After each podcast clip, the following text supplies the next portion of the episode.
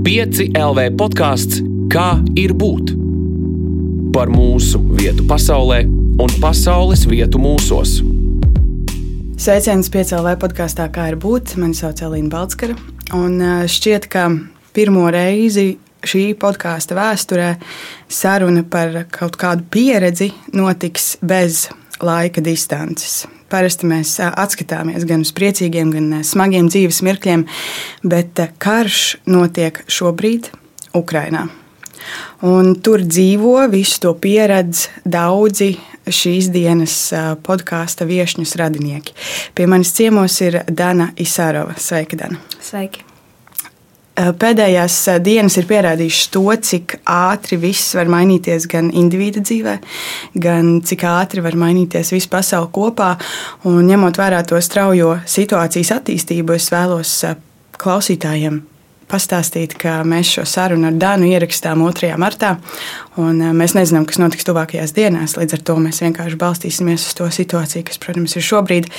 Tīri informatīvi pastāstu jums to. Dana, Vai tu vari pastāstīt par savu 24. februāra rītu? Par 24. es pilnīgi tagad sēdēju, man bija tas tiešām bija 24. februāris. Um, es patiesībā sakot, atceros maz. Uh, visas dienas pēdējā laikā ir saplūdušas tādā vienā vienā masā. Man liekas, ka pandēmijā ir tā, ka es katru rītu pamostos un liekas, ka es izdzīvoju vienu to pašu dienu. Šobrīd ir tā, ka laiks ir, bet viņa arī nav. Viņš paiet ļoti ātri, bet tāpat laikā viņš arī ārkārtīgi valkās. Un, uh, 24. februāris. Tad es vēl nesatraucos laikam tik ļoti, kā tas ir šobrīd. Um, principā tādā kara draudu stāvoklī Ukraiņā jau ir tos astoņus gadus, kopš 2014. gada. Un savā ziņā kaut kur neapzināti ehm, mēs iespējams visi gaidījām, mēs negribējām to, bet mēs gaidījām, ka varētu būt tāda situācija, ka pienāk šī diena. Un, kad es to uzzināju, es neko nesapratu. Tas bija, tas bija pirmais bija tāds noliegums, nesapratu, tas tā nevar būt. Sazinājāmies ar radiniekiem, un viņi teica, ka uh, viss ir kārtībā, kad uh, mūs neaiztiek, jā, mēs dzirdam, ka šauj. Uh, bet um, nu, viņi iet uz Kijevu. Un, um, tas solījums jau arī sākumā izskanēja tāds, ka mēs neaiztiekam civiliedzīvotājus, līdz ar to nav ne par ko jāsatraucās. Bija tas milzīgais uztraukums, bet arī tas, ko mēs ar tēti runājām, kad uh, galvenais tiešām, lai nu, tā tas arī paliek, kad uh, tie jautājumi tiek risināti starp tiem cilvēkiem, kuri tur nu, savā starpā, teiksim, tā ir sastrīdājušies. Tāpēc 24. februāris viņš bija Mm, viņš bija saspringts, bet viņš noteikti nebija tāds, kāds viņš pēc tam attīstījās. Tā es laikam to varētu pateikt. Vai tu vari izstāstīt tiem, kur mūsu klausās, tad tev tētis ir no Ukrainas, tev ir daudz radnieku Ukrainā, vai tu vari pastāstīt, kas ir tie cilvēki, tavi tuvinieki, kas tur dzīvo, mm. kur viņi šobrīd atrodas? Uh, Uh, jā, mans tēvs ir Ukrāņš. Viņš šeit uz Latviju atbrauca kā jaunais speciālists, kad pabeidza universitāti. Atceros, viņš stāstīja, viņš bija ļoti priecīgs, ka viņš atbrauc tieši uz Rīgu, tāpēc ka Ukrainā Rīga vienmēr nu, tajos laikos bija tāda ļoti eiropeiska valsts, un, un, un viņš bija tiešām priecīgs, ka viņam izkrita tā iespēja atbraukt, jo viņš līdz pēdējiem brīdim domāja, ka viņš paliks Ukrainā. Un tad Ukrainā Mums tiešām ir ārkārtīgi daudz radu. Ir vecmāma, bet man liekas, ka slāvu vecmāmu sauc par vecmāmām ir viši nepareizi. Tā ir babuška. Tā ir babuška, un ja viens, kuram ir slāvu babuška, viņš zina to, ka tā nav ome, tā nav vecmāma, tā ir babuška. Tā tad ir babuška, ir vectēva māsa. Vectēvs, diemžēl, jau ir sen miris. Ir tēta māsa, kas ir mana krustmāte ar visu savu ģimeni. Man māsīca, brālēns, viņiem ir savas ģimenes. Māsīca šobrīd ir. Es tā saku, full-time pregnant. Viņa ir, ja nemaldos, 7. un 8. grūtniecības mēnesis. Viņa gaida otru bērnu. Tad ir mans krustāvs ar savu ģimeni, krustāva meita ar savu ģimeni. Uh, ir arī ļoti daudz draugu, arī tie. Mm, tā uzreiz man arī prātā neviens. Ah, nu, protams, ir arī kā, senāk manas māsīcas, māsīca, kas arī skaitās ģimene, jebkurā gadījumā, jo ar viņiem tiekamies katru gadu, un tur tas uh, lokus senāk plašs. Ļo, tie ir ļoti tuvi radinieki. Tie nav tādi otrās pakāpes māsīca vai, vai kaut kāda māsīca stante vai vēl kaut kas. Tie ir, nu, kā, tie ir ļoti tuvi radinieki, kas tur šobrīd ir. Beig, beigās jau tā tuvība ir. Nav pat nosakāma vai nepakāpēs tuvība ir tajās mūsu jā, attiecībās. Arī, jā. Kā to ar viņiem uztur sakars šobrīd? Uh, internets pamatā tas ir Vibers, ko viņi izmanto. Mēs sazināmies Vecāki zvana katru dienu, divas reizes dienā. Es, eh, atkarībā no savām sajūtām, es arī nevaru saprast, cik bieži zvanīt man, jo es arī padomāju par to, kā viņiem ir katru dienu runāt par vienu un to pašu un stāstīt. Bet uh, sazināmies arī caur Instagram, lai ir tas video zvans, lai mēs redzam viens otru, Un, un, un, un arī ar vecmāmu, tāpat tās ar babušku sazināmies. Arī caur internetu viņi ir iemācījusies, visu, visu zina. Video viņai arī sūtam. Es arī regulāri sūtu kaut kādus video, kur vai no Krievijas vēstniecības, kur cilvēks stāv arī ar kaut kādām lietām, ko es ikdienā novēroju. Rīgas centrā skanēja himna. Ukrainas to es arī viņiem aizsūtīju. Vienkārši tas, tas pat ir tā, ka mēs nevis rakstam kaut ko, ir vienkārši, ka mēs apmainamies ar kaut kādiem vizuāliem materiāliem, un tad, protams, arī sazināmies. Ja es tajā dienā nejūtos tā, lai zvanītu radiniekiem, vai es jūtu, ka es pati nevaru īsti savākties, tad es vienkārši piezvanu vecākiem un pajautāju, ka, kas tur notiek. Jo, jo kādreiz ir tā, ka man daudzi saka, nu, kā, kā tas ir mosties no rīta un gaidīt to ziņu. Viens ir tas, ka tu gaidi to ziņu no savējiem, un to arī to proaktīvi dari. Nākamais ir tas, par ko es bieži vien domāju, kādu ziņu es saņemšu. Jo ir, ir tie rīti, kad uh, tiešām tu nevari saprast, kā, vai, vai labāk ir nekāda ziņa, vai tad, kad tā ziņa atnāks un kāda viņa būs. Tāda ir tā sajūta par sazināšanos.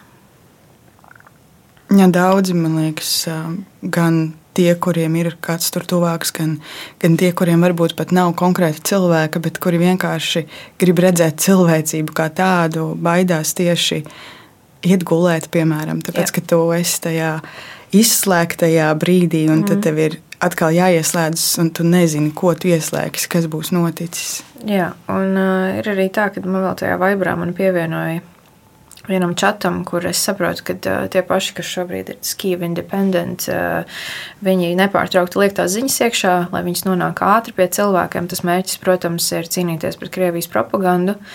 Un tad sanāk arī tā, ka ļoti daudz ziņas es vienkārši jau saņemu pirms man radinieki ir pateikuši jau caur šo platformu, kas arī ir, ir ļoti, ļoti labi. Kas tad ir tas, ko viņi tev stāsta? Kas ir tā indivīda, um, es gribētu teikt, pieredze. Jo viens ir, mēs, protams, redzam ziņu virsrakstus, un es mm. domāju, daudz sako līdz tām lielajām lietām. Bet uh, kas ir tas, ko viņi tev stāsta, kā viņi, kā cilvēki, mm. jūtas tur?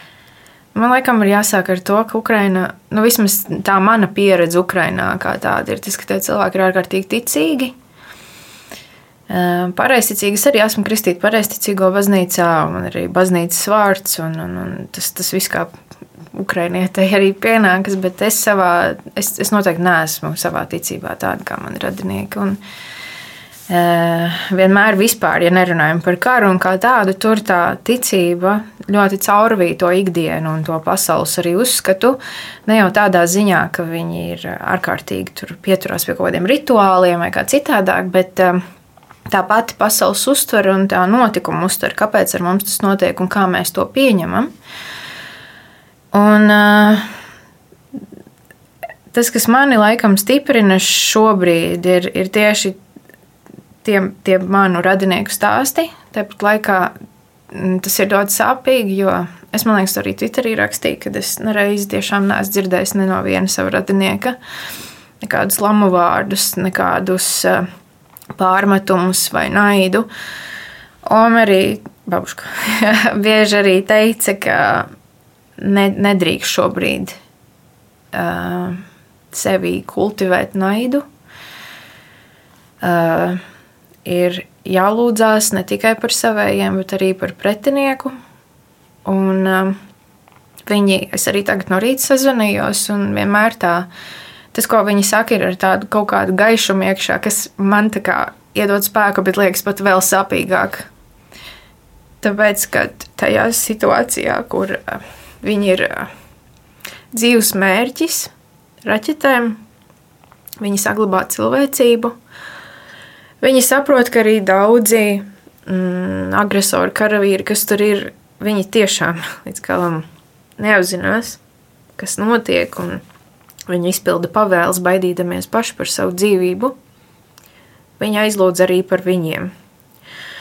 Visas šīs dienas sazinoties ar radiem babušku, man liekas, vispār ir visizturīgākais cilvēks šajā ziņā. Viņa mēs jau pirmajā dienā kā, nu, teicām, kad mēs braucam jums pakaļ kad, kad tu nepaliek, bet viņiem ir tā iekšējā pārliecība, ka viņi nevar pamest savu valsti. Viņiem ir par viņu jācīnās. Viņi jau cīnās par to nu, ilgstoši, bet tieši tā izteiktāk tos pēdējos astoņus gadus, ka viņi, ne, nu, viņi nebēgs projām no turienes. Viņiem ir jācīnās par savu brīvību.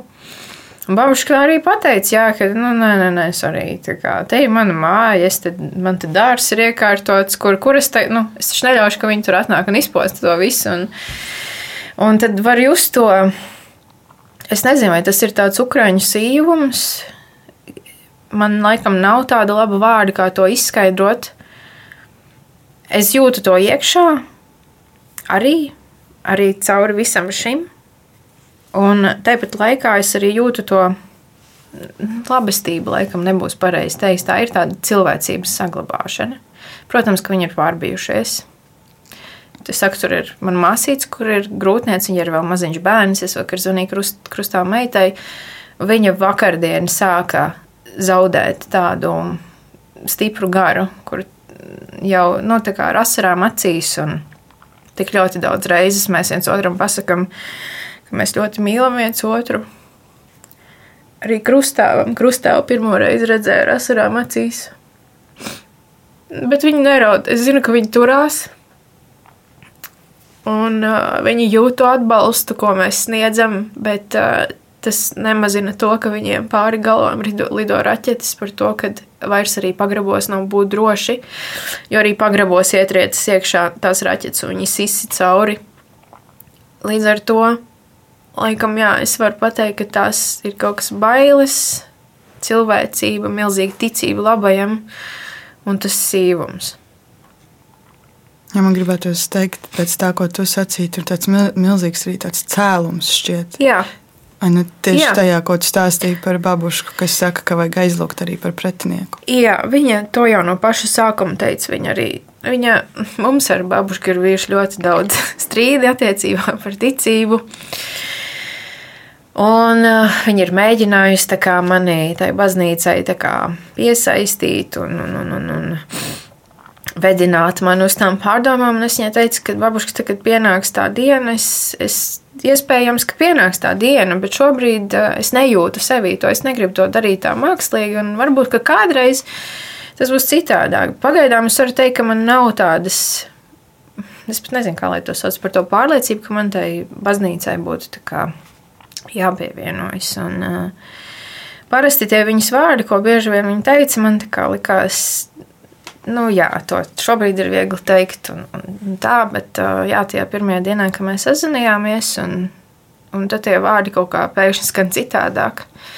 Par to, ka nu, jā, viņa teica, ka mēs visi esam uz šīs pasaules, mēs visi esam grēcīgi, mums ir atļauts kļūdīties, bet ir ļoti svarīgi, lai par savām kļūdām cilvēki kā, palūdz atvainošanos, jeb nožēlo tās savas kļūdas. Viņa arī teica, ka jā, ka nav jau nozīmes īsti, kurā pusē tu esi tāpat tās dvēseles, kuras vairs nav starp mums. Par viņu mieru un par to vecāku mieru arī jā, ir jāizlūdz. Un arī krustmeitas, krustāva meita vakardien arī teica, ka uh, viņai viss no ieročiem, kas viņai ir palicis, tas ir lūgties Un tas ir lūgties par ienaidnieku, par to, lai viņi varbūt kaut kā apdomājas un apstājas. Mm. Kur viņi šobrīd viņi arī slēpjas. Viņi vairs nav savā mājās, vai es pareizi um, saprotu? Jā, pareizi par to mēs kaut kā galīgi aizmirst pateikt. Mm, ir tā, ka lielākā daļa man radinieku ir no Ukrainas ziemeļdaļas, kas ir Černīgova. Tā ir, es tagad varētu samaloties, bet tie ir aptuveni 50-60 km no Baltkrievijas, un arī tur kā pa diagonāli sanāk Krievijas robeža. Daļa pārcēlās, nu jaunie pamatā māsītes Braulēns pārcēlās uz Kijevu dzīvot. Vairs man šķiet, ka nu, ir tādi attālāki radi, kas ir jau tā kā krustā, krustmātes vīra radi vai kādi citādi. Tie bija kā Ukrainas centrā dzīvoja. Šobrīd, nu, kā jau teicu, man radinieki izlēma nepamest Ukrainu. Viņi teica, ka viņi paliks. Ja vīriem būs jāiet karā, sievas negribēja būt nošķirtas no viņiem, viņas gribēja palikt tur.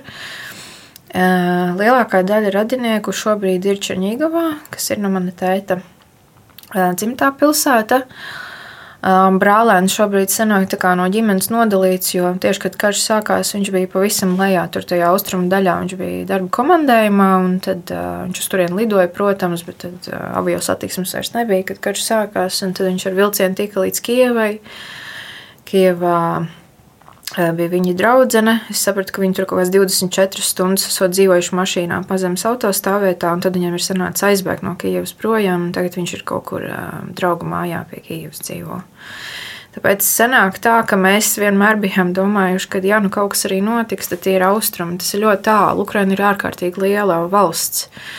Ja skatās kartē, liekas, nu, ka tie attālumi ir mazi, bet viņi ir tiešām milzīgi. Un tad, ja nu mēs domājam, ka, ja nu kas, tad uh, tas viss būs tur lejā, jo tur ir tā problēma. Bet sanāk tā, ka nu, viņi ir ienākuši caur augšu, un viņi noteikti grib to čurnīgu ieņemt, jo viņi ir, uh, es neesmu īsti speciālists karā, bet saprotu, ka tas ir labs strateģiskais punkts, jo tur ir tā saikne ar citām pilsētām, tur ir kaut kādi resursi.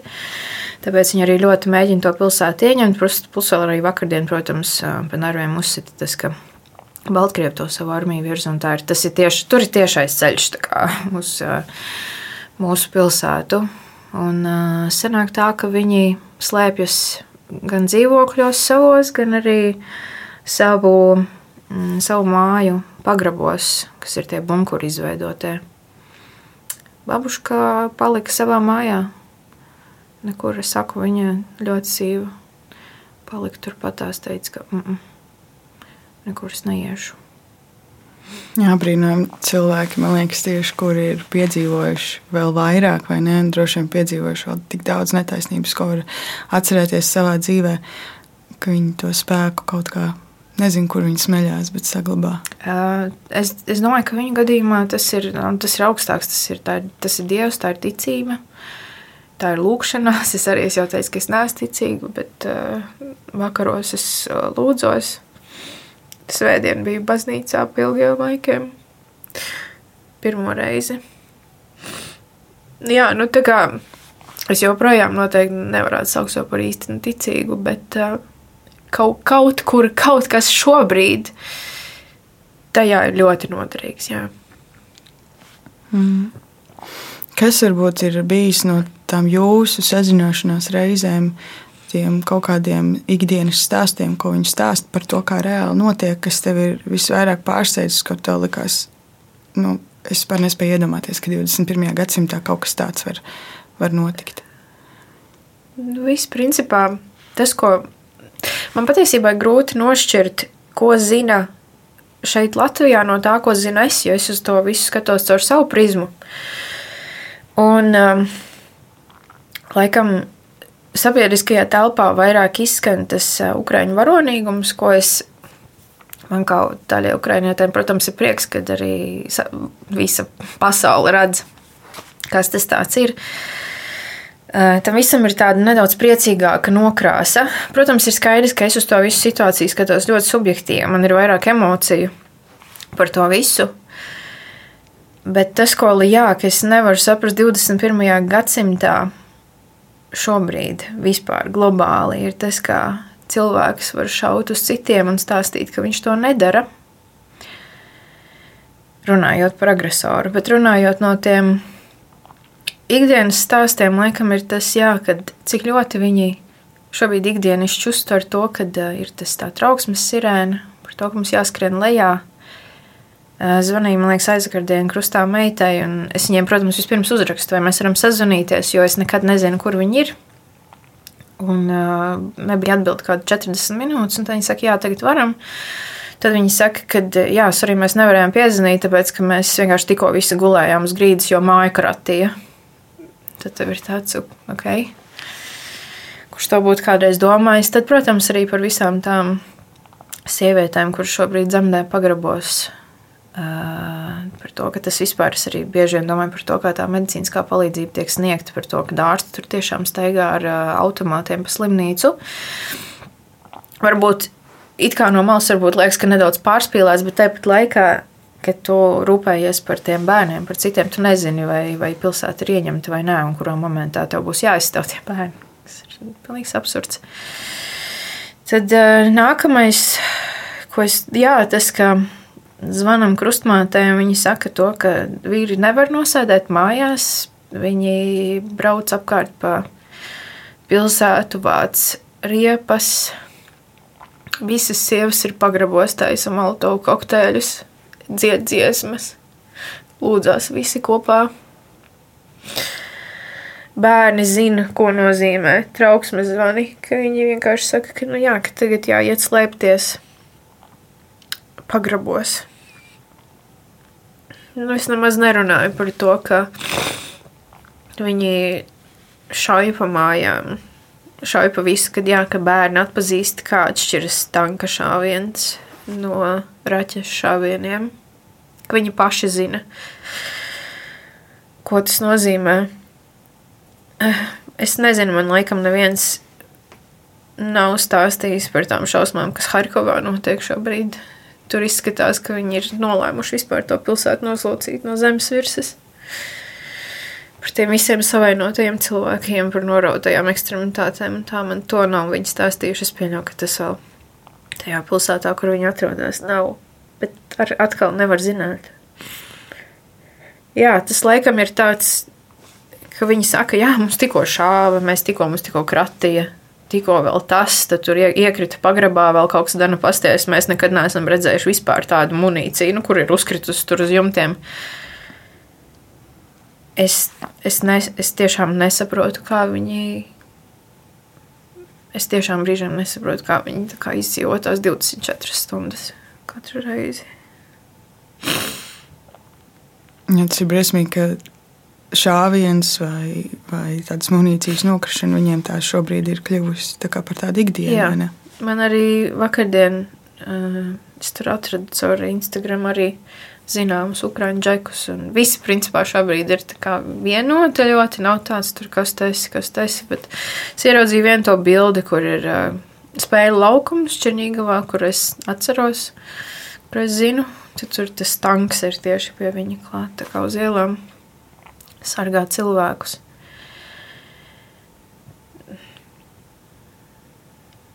Neiedomājami. Mm. Tu pieminēji jau um, arī medicīnu, mm -hmm. un uh, es iedomājos, tu pati esi mediķe. Jā. Un, uh, man liekas, ka, protams, jebkurš mediķis vispār uz pasauli raugās uh, nedaudz citādi. Vai tavuprāt, arī tu pati kā mediķis redzi karu kaut kādā veidā citādi? Uh, ņemot vērā, laikam, tu pareizi pateici, ka mēs uz pasauli raugāmies kaut kā, kaut kā citādāk. Es arī vispār arī miera laikos uz pasauli raugos citādāk, līdz ar to var, varbūt man ir tiešām grūti nošķirt, kur ir tas neprofesionālais redzējums un kur ir profesionālais redzējums. Mm. Es nezinu, es vienkārši kopš paša sākuma biju domājis. Protams, es aizdomājos par to, ka ja tas notiek manā valstī, un es zinu, kā, kā rīkoties un ko darīt. Un, un tās, protams, arī tās pārdomas par, par to, ka, kad ja nu tas notiek pie mums, kas notiek tālāk. Un, uh, es nezinu, visu, ko, par ko es biju domājis. Ir, nu, jā, mēs runājam ar draugiem par to, ko mēs darītu, ja, mē, ja, ja tas notiktu pie mums un kāda būtu mūsu loma šajā visā. Un es tā kā teicu, nu jā, man, man ir skaidrs, ka es šeit būtu noderīga. Un, uh, man arī nemazām neienāca prātā tā, tāda doma bēgt kaut kur. Jo es zinu, ka daudziem maniem draugiem ir tās bailes ir tik liels, ka viņiem ir tās tik līdzas sajūtījuši, ka arī šeit kaut kas virzās uz to pusi. Viņi pat nedomājot savāks mantas un aizbrauks projām, kas nav absolūti nosodāmi nekādā veidā. Tiešām man nebija tāda doma par to, ka es varētu kaut kur doties projām. Un tad es arī bieži vien padomāju par to, kā tur maniem kolēģiem Ukrainā, kā viņi ar to visu tiek galā, jo tie ir pilnīgi citi likumi tajā momentā, kad uh, tas viss pagriežās uz citu pusi. Es noteikti negribētu ievirzīt to sarunu tajā visā, bet uh, tas mani, es zinu, ka maniem kolēģiem tie lēmumi, kas viņiem brīžiem ir jāpieņem, tas ir, tas ir viņu karš, kas viņiem arī ir jācīnās bez, bez ieročiem. Jā, tā vairs nav ikdienas, tā ir krīzes medicīna, vai ne? Mm -hmm. Tas ir kaut kas pilnīgi cits. Ļoti daudz mēs dzirdam frāzi, ka šis ir mūsu karš. Kā tev liekas, kā tu paskaidrotu kādam citam cilvēkam, kāpēc šis ir mūsu karš?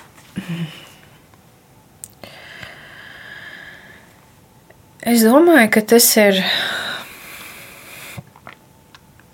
Tas ir karš par visām tām vērtībām, kuras Eiropa, man liekas, ka cilvēks kā tāda neraugoties uz to, kādas uh, nacionālitātes cilvēks, vai etniskās piedarības cilvēks, vai valsts iedzīvotājs, vai jebkas, arī reliģiskās piedarības, tās tās vērtības, kas mums visiem ir svarīgas un kuras uh, mums visiem ir nozīmīgas, un par kurām mēs cīnāmies arī ikdienā. Varbūt ne tik brutālā veidā, kas tā šobrīd notiek, bet kuras mēs aizstāvam. Un, uh, Es zinu, ka ir daudz publiskajā vidē izskanējis arī par to, ka ir jāsaka skaidri un gaiši par to, ka mēs esam pret Putina režīmu, mēs esam pret Putina agresiju, viņa režīmu agresiju, un, un ka mums nav jāsaka, ka es esmu pret karu un es esmu par mieru, kas ir pareizi. Jā, bet man liekas, ka mēs tā puse, kas ir Ukraiņas pusē, ka mēs vienkārši aizstāvam to, kas mums visiem ir svarīgi. Un, protams, Latvijas kontekstā, ņemot vērā, ka mums ir tā garā robeža ar Krieviju, ir skaidrs, ka mēs ļoti labi apzināmies, kur ģeopolitiski mēs atrodamies un kā tas viss varētu izvērsties. Ir īpaši ņemot vērā to drausmīgo Krievijas propagandu, kas šobrīd tajā valstī notiek.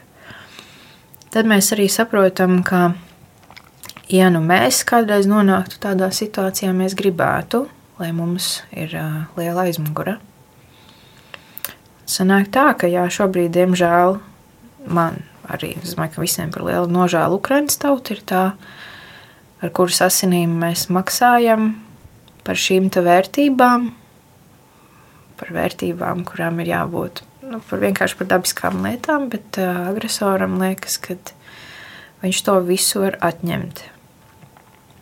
Tad tas ir tas mūsu karš. Jā. Kā tu vispār tīri personīgi vērtē to, kas notiek uh, apkārt, to, kas notiek šeit, Latvijā, kā mm. cilvēki reaģē. Un arī patiesībā to, kā cilvēki reaģē pasaulē. Jo pareizi tu saki, ka mēs Latvijā esot uh, šajā lokācijā un ar savu vēsturi izjūtam un pieredzam visu to, kas notiek nedaudz citādi, man liekas, personīgāk, Jā. kā iespējams cilvēks, nezinu, Anglijā, Amerikā. Um, tad varbūt sākumā tu vari komentēt to, kā tu redzi Latvijas iedzīvotāju reakciju uz šo? Mm -hmm. uh, man viss liekas, es to visu uztveru tā ļoti, es neteiktu, ka viegli. Bet es zinu, ka daudziem izskan tie pārmetumi par to, ka daži cilvēki turpina savu dzīvi, it kā nekas nebūtu noticis, un ka nenotiek varbūt tik aktīva dalīšanās sociālajos tīklos vai kā citādāk. Es laikam gribētu pateikt to, ka Mēs visi esam ļoti dažādi šeit, Latvijā, un eh, es nevaru prasīt no visiem, ka visiem šī krīze ir varbūt vienlīdz nozīmīga, un varbūt arī, ka visi reaģē vienādi. Kāpēc? Tāpēc, kad pieņemsim, es savā būtībā uz šo krīzi bieži vien reaģē ar to, ka mēs, pieņemsim, brīvdienās ar vecākiem kārtīgi smējāmies par visiem tiem jokiem, par Putinu un par viņa režīmu. Un tad ir tas brīdis, kad tu sēdi un tev ir tāds, ka Dievs, tā kā es nedrīkst smieties, jo ir karš pasaulē. Bet tas ir vienkārši kā tu reaģē uz to visu, un tas tev dod nedaudz to vieglumu sajūtu par, nu, par to, ka tu vari pasmieties arī par to. Citi cilvēki var būt izvēlas ignorēt, jo iespējams, ka viņi nav spējīgi to visu sagramot. Tas varbūt arī tas ir pirms mēs pievēršamies tai manai uh, reakcijai par to, kas notiek Latvijas sabiedrībā. Es gribētu pateikt, ka jā, mums ir varbūt nedaudz uzstājīgākiem jābūt par tiem cilvēkiem, kuri iestājas par neutralitāti, kur iestājas pret karu un pret kaut kādu nu, tādiem visādām tādām ļoti spekulatīvām lietām. Bet uh, tie cilvēki, kuri varbūt izvēlas šobrīd nedalīties ar to, mums ir jāsaprot, ka tas ir traumatizējoši un ne visi spēj to kaut kā procesēt un sagramot. Bet uh, kopumā par Latvijas sabiedrības attieksmi es varētu teikt tikai to, ka man no sākuma pirmajā dienā, kad es redzēju, kas tur notiek, man bija tāda ļoti milzīga piederības sajūta tieši Ukraiņu tautai. Un man liekas, ka kā, tur ir manas mājas. Man ļoti gribējās aizbraukt uz turieni. Man gribējās, es nezinu, kāpēc, vienkārši ļoti gribējās būt tur tajā momentā. Bet tad laikam nāca tā visa sapratne no Latvijas sabiedrības, un uh, es redzēju, kā man cilvēki raksta. Es pēkšņi redzēju, ka te nav neviens svešs, te viss ir savējie un visi ir gatavi palīdzēt. Un tad man atkal tā piederības sajūta, viņa kaut kur tā palika starp abām tautām. Jo es saprotu, ka ne, tie arī ir manas mājas, un šie visi cilvēki viņi nav vienaldzīgi. Es noteikti gribu pateikt visiem lielu paldies. Tiešām sākumā, tiešām pirmajās dienās, varbūt pirmajās 24 stundās, likās, ka Ukrāņi ir atstāti paši par sevi. Tāda bija sajūta, un arī Ukrāņi to teica, ka viņiem liekas, ka viņiem atkal būs jāizcīna tas karš vieniem. Tagad ir tā, ka jebkas, pat mazākās lietas, ko cilvēki izdara, ir no svara. Un manai pateicībai man nav pietiekami labu vārdu, lai es varētu to salikt tādā vienā kaut kādā teikumā. Tas ir neizmērojams lepnums un tiešām neizmērojama pateicība katram, kas ir šeit Latvijā. Patiesībā man liekas, ļoti skaisti to pateica un ielika vārdos savā tvītā pirms pāris dienām, kuru es atļaušos nolasīt, jo tas bija man tajā dienā viena no aizkustinošākajām lietām, ko es izlasīju. Tāpēc, ka, protams, ka daudzi nesaprot, kā rīkoties, ko darīt, ko tad es, vai tad es ar nezinu, šo informāciju, ar ko es dalos, ar šo karodziņu, es taču nepalīdzu tam cilvēkam, kurš ir uh, tur tajā brīdī. Um, bet tu rakstīji, un es citēju. Jums varētu likties, ka atbalsts, ko šobrīd sniedzat Ukraiņai, ir nekas un ir kā ūdens pila okeānā, bet patiesībā jūs esat okeāns, okeāns, kurā nogrims Putins un viņa režīms. Man liekas, ka tas ir ļoti Tā skaisti. ir. Tā ir. Es uh, arī runājot par pasaules reakciju uz to visu, uh, es tiešām domāju, ka daudzi vēl nesaprot to, savu, to, to viedokļu paušanas un tā atbalsta. Galvenais jau ir tas tiešām tas atbalsts, kas tiek pausts to milzīgumu, jo tas tā labestība, kas nāk, tas atbalsts, tā iejūtība, tas viss ir lielāks par to agresīvu, par to ļaunumu. Pat ja, pat ja mums ir bail no atsevišķām lietām, tas ir, tas ir tiešām Tas ir neiedomājami lieli. Un skatoties, um, mēs parunājam par Latvijas reakciju, skatoties uz pasaules reakciju, mm -hmm. kas varbūt ir tavas domas, ko tu ieraugi, kas varbūt tev ir pārsteidzis tajā, kā ir reaģējusi pasaule? Uh, Tīri no manām sajūtām runājot, un atkal šeit es uzreiz gribu pateikt, ka man ir ļoti daudz emocijas, man ir radinieki. Protams, ka man brīžiem liekas, ka, ja mēs runājam tieši par tādām oficiālām, kaut kādām pasaules nostādnēm, kaut kādiem pārstāvjiem no citām valstīm, parlamentiem un visām pārējām drošības komitejām, visu pārējo, man, protams, liekas, ka tā atbildes reakcija bieži vien ir tāda piesardzīgu bija tāda viena ļoti laba karikatūra par to, ka es neatceros, kas tur stāvēja. Man liekas, kaut kāds Amerikas prezidents. Viņš tā saka, nu, Putins viņam priekšā stāv. Viņš saka, ja tu šito izdarīsi, nu, tad mēs tad reaģēsim. Un Putins tā kā pakāps vienu solis priekšu. Viņš saka, nu, labi, tagad, ja tu šito izdarīsi, nu, tad mēs noteikti, tad mēs kaut ko darīsim. Un viņš tā kā turpina iet uz priekšu. Un man ir, es nemelošu, ir tie brīži, kad es sēžu man ir tāda sajūta ka mēs kā, baidoties par it kā savu drošību, mēs ļaujam agresoram turpināt tos soļus kāpt uz priekšu. Jo es, es, okay, es tādās sliktās domās varu iedomāties, ko vēl drausmīgāku viņš var izdarīt. Bet nu, kā, kura būs tā pēdējā sarkanā līnija? Jo es nezinu, man tie astoņi gadi, kas bija iepriekš, un kur mēs zinājām, ka tas konflikts ir, mums arī likās, ka viņam arī ir savas sarkanās līnijas, būs līnijas, ko viņš nepārkāps un ko viņa režīms nepārkāps. Viņš ir pārkāpis visas tās mūsu sliktākās uh, fantāzijas par to, kas varētu notikt. Un tagad jau man liekas, ka viņš šajā ziņā ir, ne, viņš, viņš ir izmisis, viņš ir dusmīgs, viņam nav varianta padoties un atkāpties, viņš ies līdz pēdējam. Un līdz ar to, sakot, ka tas ir mūsu karš, mums ir tiešām jāsaprot, ka tas ir mūsu karš, jo iespējams, ka viņš ies līdz galam, un tad, tad neviens mēs vairs nebūsim drošībā. Un jautājums ir par to, tiešām kurā momentā mēs tiešām novelkam sarkanu traknu līniju un pasakām, ka tas nav ok. Lai gan jau tas sen, jau kopš es teiktu kaut kādas sestdienas, svētdienas, tas vispār nav necik ok. Un ir skaidrs, ka politiskajā pasaulē viņš un viņa režīms ir uzlicis sev milzīgu krustu, un ja nu viņš gribēja iet vēsturē, tad uh, viņš to ir izdarījis. Vienīgais jautājums bija par to, kādā veidā viņš tajā vēsturē gribēs ieiet un kā tas šobrīd būs. Bet tā mūsu, man tā liekas, ka tā atbildes reakcija un tas, par ko mēs cīnāmies Eiropā, par cilvēku tiesībām, par, par visu cilvēku drošību, par bērniem, tur jau tas viss vairs, tas jau viss tiek iznīcināts. Un eh, tāpēc ir tie brīži, kad tieši attiecībā uz kaut kādām oficiālām lietām man liekas, ka arī par daudz tajās sapulcēs viņas kādreiz nevar klausīties. Jo stāsts par ukraiņu varonīgumu, par to, kā viņi cīnās par mūsu demokrātiju, un jūs tādi malači, uhu, mēs par jums, bet kaut kas tur pietrūkst. Man tā kādreiz liekas, bet tieši sabiedrības un vispār valstu kā tāda attieksme, protams, ir ir, ir atkal, atkal man milzīgā pateicība, jo es negaidīju, ka daudzas pasaules valstis tiešām iesaistīsies tik lielā apmērā atbalstā Ukrainai, jo tomēr tā kaut kur tur Eiropa, tā kaut kāda tur valsts.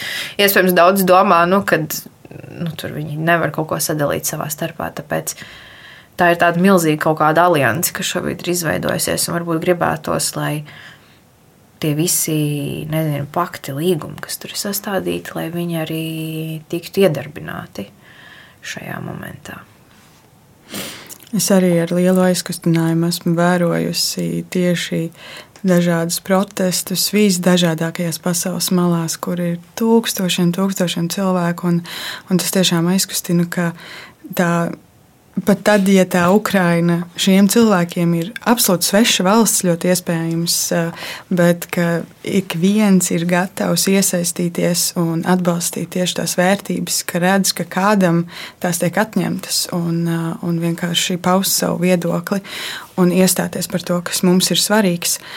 Vai tavi radinieki Ukrainā izjūt šo atbalstu, ko viņiem nozīmē tas, ka mēs Latvijā liekam karodziņus, organizējam koncertus, atbalstam visdažādākajos veidos, ko viņiem nozīmē tas, ka daudz kur pasaulē cilvēki iziet ielās. Ļoti daudz. Ļoti, ļoti, ļoti daudz. Uh, atkal tas pats stāsts par to 2014. gadu, kad uh, viņi toreiz cīnījās par savu brīvību, un, un tur bija varbūt tas nedaudz. Uh, varētu teikt, ka tās savveida aizvainojums par to, ka Ukraina atstāja nedaudz Krievijas ziņā, jo pasaules iesaiste bija salīdzinoši ar tagadējo, bija diezgan maza. Arī Eiropas iesaiste bija diezgan maza. Tur bija vairāk tie lozungi par to, ka jā, mēs esam ar jums, jūs tādi maleči, visforši. Bet tas konflikts tur bijis, tagad tas ir citādāk. Tagad viņi ir, ir ļoti, ļoti pateicīgi un arī par tiem karodziņiem, ko kādreiz saka, pēc kam tur liktajā, tur, tur tajā Facebookā vai citādāk arī to viņi ļoti novērtē, jo tā ir savas nostājas paušana, tur nav, un tas ir ļoti svarīgi šajā momentā. It īpaši viņi uztraucās par to Krievijas propagandu. Viņi arī nepārtraukti saka, jūs galvenais tikai pareizos ziņu kanālus klausieties, jo tas propagandas apmērs tur ir, man liekas, tas ir vēl viena lieta prātam neaptverama, kas šobrīd notiekas. Un tagad tas viss nāk uz augšu un ir tā milzīgā cerība, ka arī pasaule pamanīs, kā tie cilvēki bez Nē, man liekas, ka tur ir kauns, jo viņi to visu lasa no lapiņas un skatās lapiņā. Bet tik un tā viņiem ir tā kā, tas. Angliski tas ir audacity, bet nezinu, kā latviešu to pateikt. Bet tāda bet tā bezskaunīga tā spēja kaut ko teikt, ka viņi tur ir iegājuši mi mieru, ieviest un demokrātiju.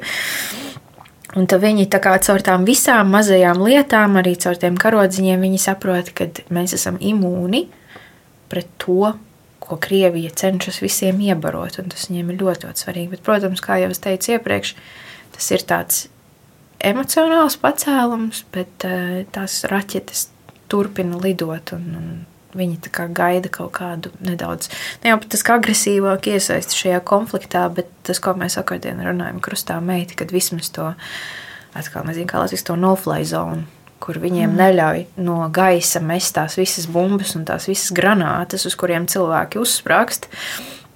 Jo viņi saka, ka musēji ir spējīgi viņus pieveikt uz zemes, bet gaisa mums šobrīd ļoti traucē. No kā tev šobrīd ir visvairāk bail? Ah, mm, tās, no, tās ir divas lietas. Jā. Uh, tas ir pirmkārt mani radinieki. Par ziņām, kuras es nekad nu, es negribētu saņemt. Jo mm, tā nāves sajūta ir ļoti klātesoša. Katru dienu, un tad ir tie brīži, kad ir vieglāk. Un tad ir tie vārdi, pēc kuriem paliek vieglāk, un tad ir tie video, pēc kuriem paliek vieglāk, bet tad ir tādi ļoti slikti brīži, kad tā nav ļoti, ļoti klātesoša, neviens negrib to teikt, un es arī, kad man tās domas ienāk prātā, tad tu mēģini viņas tā kā izdzīt projām, un ir ļoti slikta sajūta par to, ka tu viņas domā, bet tas ir ļoti, ļoti klātesoši. Vairāk jau es arī reizes varu pateikt, ka man patiesībā iekšā ir nevis skumjas kaut kādas, pat nevis naids, bet uh, tāda vēlme pēc atriebības kaut kādas. Tas, kas iekšā, tas ir tas sījums Ukraiņos. Viņiem ir tāds, ok, tu tā kā bišķiņ pārkāp manas robežas. Tālāk, kas notiks, vairs jau nav mana atbildība. Un tam man iekšā vairāk ir tāda atriebības sajūta par to visu. Bet ir arī baila. Un nākamā lieta, par ko man ir bail, ir par to, ka, ja nu gadījumā tomēr viņi nenotur to fronti, jo es, es atkal saku, ir ļoti romantizēts bišķiņu viss tas kara process, kas ir ok, es to saprotu, viņi šobrīd ir varoņi viņi cīnās viņiem tas sanāk, bet es vienmēr paturprātā par to, ka tie ir cilvēki, tie nav tanki, viņi nogurst. Un, uh, tas, ko viņi šobrīd dara uz kaut kādiem adrenalīna līmeņiem, ir prātam neaptverami. Bet es, es neloloju cerības par to, ka tas viss tikai progresēs uz augšu, un viņiem viss būs labi, būs kaut kāds iespējams lūzuma brīdis. Un tad es tad domāju par to nākamo, kas būs tālāk ar, ar to cilvēku, tajā agresoru pusē, jo izskatās, ka viņš ir zaudējis jau kādu to saikni ar realitāti kopā ar visiem saviem domu biedriem. Un tad tāpat nav baili pat tikai tā lokāli par Latviju, bet par vispār par to, kādas būs mūsu vērtības un kur mēs pēc tam dzīvosim un, un, un kā tas viss notiks, par to, kā mainīsies pasaule pēc šī visa. Un uh, tas, ko es varbūt no savas puses gribētu pateikt, ko es tagad redzu, arī Latvijas sabiedrībā ir tā ir šķelšanās, un uh, cilvēki, kuriem vajadzēja vēl, tikai vēl vienu iemeslu, lai ienīstu krievu tautības cilvēks vēl vairāk, tagad viņi to ir dabūjuši. Un daudzi to ļoti nelietīgi izmanto gan kaut kādai savai popularitātes celšanai, gan reitingiem vai citādāk. Un uh, uh, Tomas, kurš arī runāja, kurš ir Kembridžas Universitātes uh, doktorantūras students, viņš uh, patiesībā ļoti pareizi pateica, ka uh, mums ir tiešām jādomā valstiski, mums ir jādomā par tiem līdzcilvēkiem. Neviens nesaka, ka mums viņiem ir pilnīgi tā jāizklājas priekšā un tagad jāsaka, nu, lūdzu, tad nāciet, mēs jūs tagad pieņemsim un, un tā un citādi, un vai jums varbūt tēju ieliet un vēl kaut ko. Nē, neviens par to nerunā. Runa ir par to, ka mums tiešām savās rīcībās, savos vārdos ir jābūt tādiem, lai mēs neuzaram melnzemi, kur pēc tam Putinam un viņa režīmam ir ļoti vienkārši iesēt savu konflikta vai pat kara sēklu. Un uh, es, uh, es to saku kā cilvēks, uz kuru šobrīd, uz kuru radiniekiem ir pavērstas visas raķetes. Tad varbūt mēs arī šeit varētu beigt nodarboties ar populismu, beigt dalīt cilvēkus pēc nacionalitātes un tiešām padomāt, kā mēs varam valstiski savu šo te visu teritoriju un vispār savu identitāti nosargāt un padomāt, ko mēs varētu darīt citādāk. Jo tās ir arī manas bailes, ka tagad uz šī te uz ļoti liela emocionālā un baiļu viļņa tiks izdarītas nepareizas lietas, ar kurām mēs pēc tam paši sev iešausim kājā, agrāk vai vēlāk. Es domāju, tās ir um, daudz bailes, arī, arī manas. Un pirms tam ļoti labi arī sacīja par, par, um, par tām vērtībām, kas ir um, agresoru pusē, kur viņi principā nav. Nu, tur nav vairs nekāda limita. Tur cilvēki vienkārši meloja, informācijas karš un viss pārējais. Un, uh, es domāju, cik daudz šīs vērtības grūti tās saukt par vērtībām, šis paradums, kaut kādas uzvedības, tādas rīcības eh, formas eh, ir vienkārši citā mērogā, bet redzamas arī šeit. Mm -hmm. un, eh, un cik svarīgi ir, ka mēs, kā sabiedrība, neļaujam tās tām augt, un ka mēs katrs viens, tur, kur mēs redzam netaisnību, iestājamies pret to, un, un arī tiem cilvēkiem, kas šeit Latvijā cenšas šķelt, cenšas ieskaidrot visu neiedomājamākās lietas, ka mēs viņus apturam un, un cīnāmies par to, ka mēs varam dzīvot saliedēti un, un vietā, kur mēs, mēs runājam katrs patiesību un, un, un, un necenšamies nevienam samalot. Mm -hmm. Tu stāstīja par savām lielākajām bailēm, bet eh, vai tu vari pateikt visā šajā ārprātā, kas ir tas, no kā tu pilnīgi noteikti nebaidies? Tas patiesībā ir labs jautājums.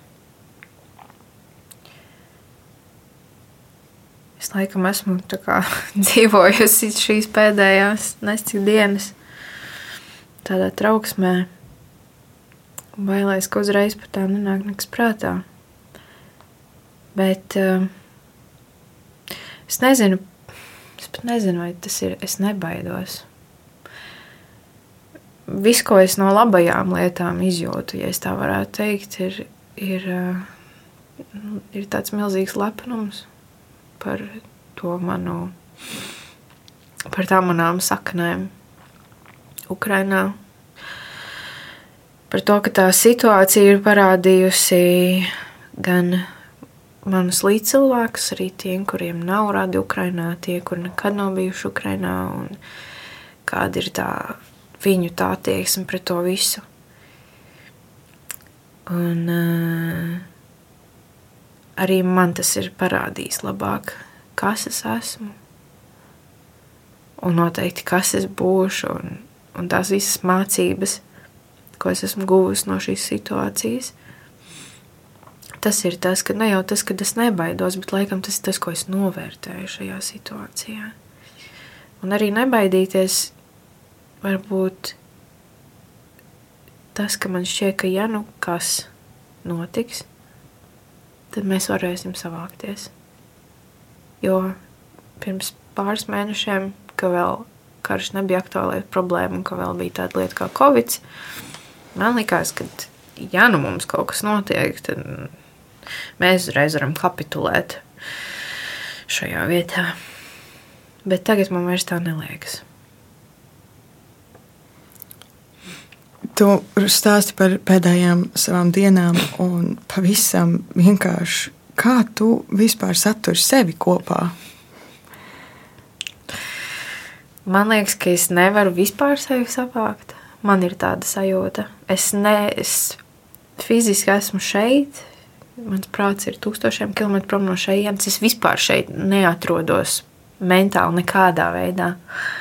Darbā savākties ir grūti nelasīt ziņas ir grūti.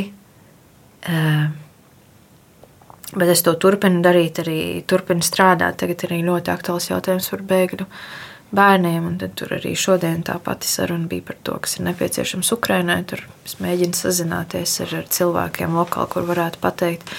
Tāpat tā slimnīca mūsējā arī organizē šo palīdzību un mēģina uzreiz visu sakārtot, lai tiem bērniem bez problēmām būtu pieejama medicīniskā palīdzība. Līdz ar to tas mani kaut kā varbūt notur tajā kontekstā. Es, eh, pārējās lietas man neizdodas labi vispār necik. Rēšana iet grūti, tāpēc, ka tas nav aktuāls jautājums. Vakardien man bija sarunās treniņš ar treneri, un tas bija vienīgais, ko es tā vispār savā labā biju izdarījusi. Man ikdiena sastāv no tā, ka es eju pie Krievijas vēstniecības, es tur pastāvu, es pat pabļaut nevaru, jo man bieži ir vienkārši trūks spēka. Pa to visu dienu man šķiet no malas, ka es, man, man neiet ļoti labi ar sevis savākšanu. Citi gan saka, ka es vēl kaut kā, nezinu, varonīgi turos. Un tad man atkal uzsita lepnums, ka iespējams tas ir tas, kas tajos ukraiņos ir. Jo es zinu, ka viņi visi ir pārabījušies, bet no malas izstāsta, ka nu, reāli dot tik šurp. Nu, un tā. Tāpēc, jā, laikam, pa seniem laikiem man tā pirmo reizi liekas, ka es pavisam, pavisam. Es, es nevaru nekādā veidā pati sevi jebkam motivēt, jebko darīt, jo es tur neesmu vispār. Man vecāki arī noteikti šeit nav vispār. Es patiesībā biežāk arī padomāju par to, kā, kā man tiet. Bet par mammu, par tēti tīpaši domāju, kā, kā viņš tam visam tiek cauri. Vai ir kaut kāda informācija, no kuras tu izvairies, vai kaut kas, ko tu centies nu, izdarīt, nē. lai. Nē, nē, nē es, eh, es zinu, ka tas viss, ko es redzu un dzirdu, ir traumatizējoši, bet es nevaru vienkārši ielikties, ka tā nav. Uh, Es tādā ziņā sevi nesargāju. Man kaut kā liekas, ka man pašai ir vieglāk, kad es zinu, kas tur notiek pilnā apjomā. Tāpēc nē, galīgi es tā kā vienīgais laikam no tādas informācijas viedokļa ka, ja es redzu tās kaut kādas provokācijas, it kā no, no agresora puses, kur atbalsta, pieņemsim, mūs te kaut kur sāk parādīties tie troļi ļoti izteikti no vakardienas, un es aizvakardien tieši dzirdēju, ka Krievija gatavo to troļu uzbrukumu un propagandas paplašināšanu. To ļoti var just gan vakardien, gan šodien. Es vienkārši izvairos tiem cilvēkiem veltīt kādu uzmanību, jo tas ir tieši tas, ko viņi grib darīt, un arī es arī aicinu pārējos cilvēkus, neļauties provokācijām, jo šobrīd mēs visi esam tādā ļoti muģekļainā emocionālā stāvoklī, kur uh, katrs pateikts vārds var izraisīt kaut kādus lokālus konfliktus. Tāpēc uh, tas varbūt ir tas, no kā es ļoti apzināti izvairos. Es, uh, tev ir tāds viedoklis ļoti labi. Tā kā, pasaule nav maza, tur iestaigāt tālāk ar savu viedokli, bet tā, tajā es noteikti, noteikti neiesaistos. Tu minēji pirms tam man sacīja arī, ka tu brauci uz Ukrajinu katru gadu, ap, apciemojot savus radiniekus. Kas ir tā Ukraina, uz kuru tu ļoti labprāt aizbrauktu? Uh, Ukraina varbūt manā dzīvē ir izkritusi, man liekas, kaut kāds varbūt divus, maksimāli trīs gadus uh, pandēmijas dēļ. Mēs uh, nebraucām tajā vasarā, jo nevarēja tur vēl tās liekas, vakcīnas. Nebija. Es jau neatceros, kāda tur tā visa dzīve pirms, tagad jau pirms kara kāda viņa bija. Tad vēl bija atsevišķi gadi, kad viņi brauc pie mums uz Latviju, un tad mēs uz turieni braucām. Bet kuru es braucu, Tas ir karstums, nereāls. Tā ir saule. Viss gaiss smirt pēc karsta asfalta. Tāpēc kā salciņiem tur arī nav labāks pie mums, un viņš vasarā kūst, un tad jūti visu to karstumu smaku. Bet ir vismaz 30 grādi, un tie ir tādi karsti, svilinoši 30 grādi, jo viņiem arī tas gaisa mitrums nav tik liels, un līdz ar to sanāk, ka tā saule ir tāda asa. Uh, Tas ir arī, man liekas, tās ir aprīļa. Nu, parasti mēs braucam augustā, un tajā augustā jau ir tur daudz augļu nokļuvušies, un tad ir tās aprikozes, kas uz ielām ir sakritušas, un tās arī smaržo tā ļoti intensīvi. Tas ir, tas ir galds, milzīgs galds, pie kura mēs savācamies, pilnīgi visa ģimene pārkrauts galds ar ēdienu. Un, un tur ir tā, ka neviens no tā galda, man liekas, neatiet visu dienu, tāpēc, kad brokastis plūstoši pāriet pusdienās, un pusdienas plūstoši pāriet eh, vakariņās, un uh, tie ir arbūzi, tās ir melonas. Man liekas, tas garšīgākās, kuras es vien esmu ēdusi šajā pasaulē. Tas, protams, ir sarunas ar babušku par dzīvi, par reliģiju par to, kā būtu jādzīvo. Un tad ir arī ļoti, ļoti daudz sarunas ar, ar maniem radiniekiem par to, kas ir noticis par to gadu, par to, kas ir mainījies. Tie ir arī brauciens noteikti uz Kijevu. Kijeva ir viena no manām mīļākajām pilsētām, kur ļoti labi var redzēt šo te padomju savienības ietekmi un tos mēģinājumus vairāk modernizēties uz Eiropas pusi. Tā pilsēta ir ārkārtīgi interesanta tajā savā arhitektūrā un vispār tajā veidā, kā viņi ir uzbūvēti. Protams, arī tas uh, ukraiņu humors Tas viņiem ir tāds. Es domāju, ka daudz arī bija nojauši, uz kuru pusi viņš velk no tiem visiem video par to, kā viņi runā, gan ar agresoru, par to, kā viņi sauc lietas savos vārdos. Tas ir tāds. Tā, tā nav tā, tā, tas nav tā, tā, tās nav tādas rupjības, tas vienkārši ir tas, tas veids, kāda viņi ir. Nu jā, un tad ir tā tas, kur es vienmēr bišķiņ tomēr smeļos, to, to ticības kaut kādu devu un to, to citu pasaules redzējumu, tā cilvēcība, tā labestība. Tā ir eh, ārkārtīgi viesmīlīga valsts, ārkārtīgi viesmīlīga valsts, un uh, es domāju, ka šis viss beigsies. Viņi ļoti gaidīs uh, visus, kuri viņus ir atbalstījuši. Viņi tiešām liks galdā labāko to, kas viņiem ir viņi izguldīs pie sevis. Viņi, nu, viņi vienkārši tiešām ir ļoti, ļoti viesmīlīgi cilvēki. Un tad, kad tas viss būs beidzies, es arī tiešām aicinu visus aizbraukt uz Ukrajinu. Pat ja viņa, nu, viņa ir izpostīta, bet pat ja viņa tāda ir, vienkārši aizbraukt pie tiem cilvēkiem. Jo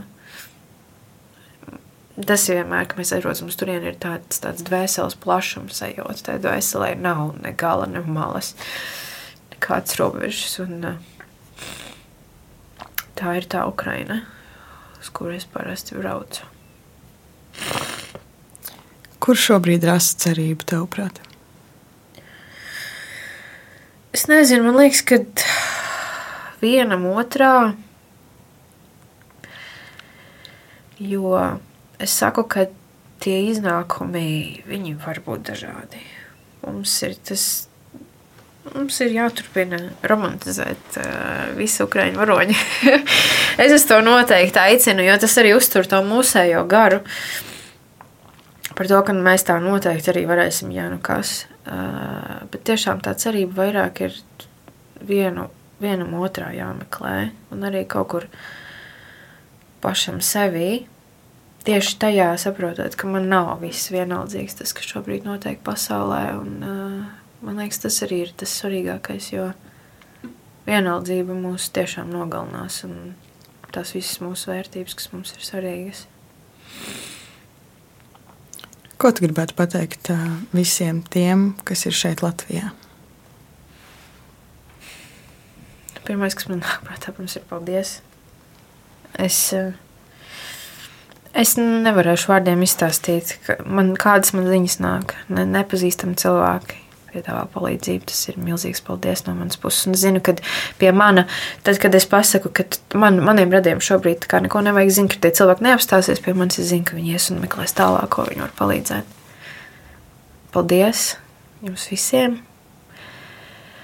Un uh, tas, ko es jau iepriekš arī teicu, kad uh, šobrīd ir vairāk kā nekad svarīgi būt vienotiem, neatkarīgi no tā, kādā valodā mēs runājam un kādai nācijai mēs piedaram vai kā citādāk, ir svarīgi saukt lietas savos vārdos. Tas ir noteikti svarīgi, bet ir arī svarīgi varbūt aizņemties no tiem ukraiņiem to. Tāpat no ticība tā ir tā cilvēcība labestība. Mēģināt sevi atrast. Es zinu, ka daudziem ir grūti šobrīd, bet uh, mūsu iekšējā konflikta mūs tikai padarīs vājākus. Un uh, mēs to nedrīkstam šobrīd pieļaut, jo mums pirmkārt ir jāpalīdz Ukraiņiem, otrkārt mums ir jādomā vispār par sevi, kā par valsti un to, kas notiks ar mums tālāk. Un ko tu labprāt pateikt visiem cilvēkiem, kuriem šobrīd ir Ukrajinā? Uh, nu tā, nē, nu, ir skaidrs, ka es par viņiem visiem lūdzos un uh, domāju katru dienu. Tur nav mani radi, sveši radi. Tur viņi ir visi. Uh, mēs katru reizi, kad uh, telefona sarunās nobeidzam, Mēs nesakām, ka viss būs labi. Nu, tas tā jau no, no paša sākuma ir bijis, jo tas kaut kā skan ļoti mākslīgi. Mēs eh, saviem radījumam sakām, nu, krieviski, ka nada piržiķi, ka vajag nu, tā kā, vēl, nu, tā kā izturēt, vēl pārdzīvot, kad vajag turēties. Es, jā, es gribu pateikt to, ka mēs visi ar jums esam. Es domāju, ka šis, šie visi notikumi iespiedīsies daudziem cilvēkiem atmiņās. Es ticu, un man tas ir svarīgi, lai cilvēki neaizmirst tās lietas, kas šobrīd notiek, jo ar laiku tā atmiņa modificēsies, viņa pazudīs, kad tas draudz vairs nebūs tik aktuāls, mums liksies, nu, tā kā vairs jau nav tik traki. Man kaut kā gribas ticēt, ka cilvēki, pasauli, mēs Latviju mēs neaizmirsīsim to, kā tas viss notika.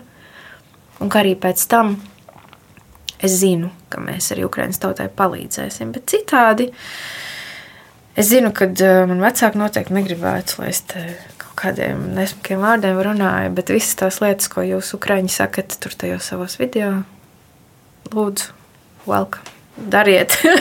Viņi ir jūsu zemē, jūs, uh, jūs arī tur visas tās savas lietas nokārtojat. Uh, kā tas ir vajadzīgs. Un es zinu, ka viņi to izdarīs. Viņi to izdarīs ar pasmiesies, ar humoru. Un, uh, tur tas sīvums būs. Mēs esam ar jums, un uh, mēs būsim ar jums. Tas viss beigsies.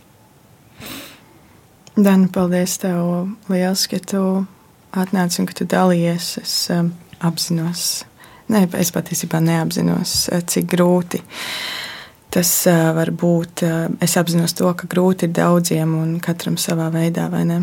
Mm. Un, uh, paldies, ka tu, ka tu padalījies ar šo, jo tas ir ļoti, ļoti svarīgi šobrīd saprast to cilvēku tur iekšā, šajā milzīgajā konfliktā, kas skar nu, visu pasauli. Visa pasaule šobrīd iesaistījusies. Un, un es ceru, ka mēs, kā visa pasaule, arī kopā spēsim spēsim apturēt agresoru, lai, lai nosargātu tās vērtības, kas mums ir svarīgas. Mm. Paldies, tev, Dana! Paldies, ka uzaicināji! Paldies arī tev, ka klausījies. Es aicinu uzņemt, lasīt informāciju, kas ir droša un pārbaudīta, būt prātīgiem savās informācijas avotu izvēlēs, jo, kā jau gan Dana minēja, gan visur apkārt tiek vairāk kārt atkārtots. Šobrīd tieši informatīvā telpā arī ir vēl viena vieta, kur notiek karš. Tāpēc esiet prātīgi tur, sekojiet līdzi visam, kas ir oficiāli izziņots no valsts iestādēm, un meklējiet veidus, kā palīdzēt, ja jums tas ir iespējams. Paldies! Turamies kopā un nezaudējam spēku. Paldies, ka klausījāties! Atā! Projekts tapis ar Eiropas parlamenta finansiālo atbalstu.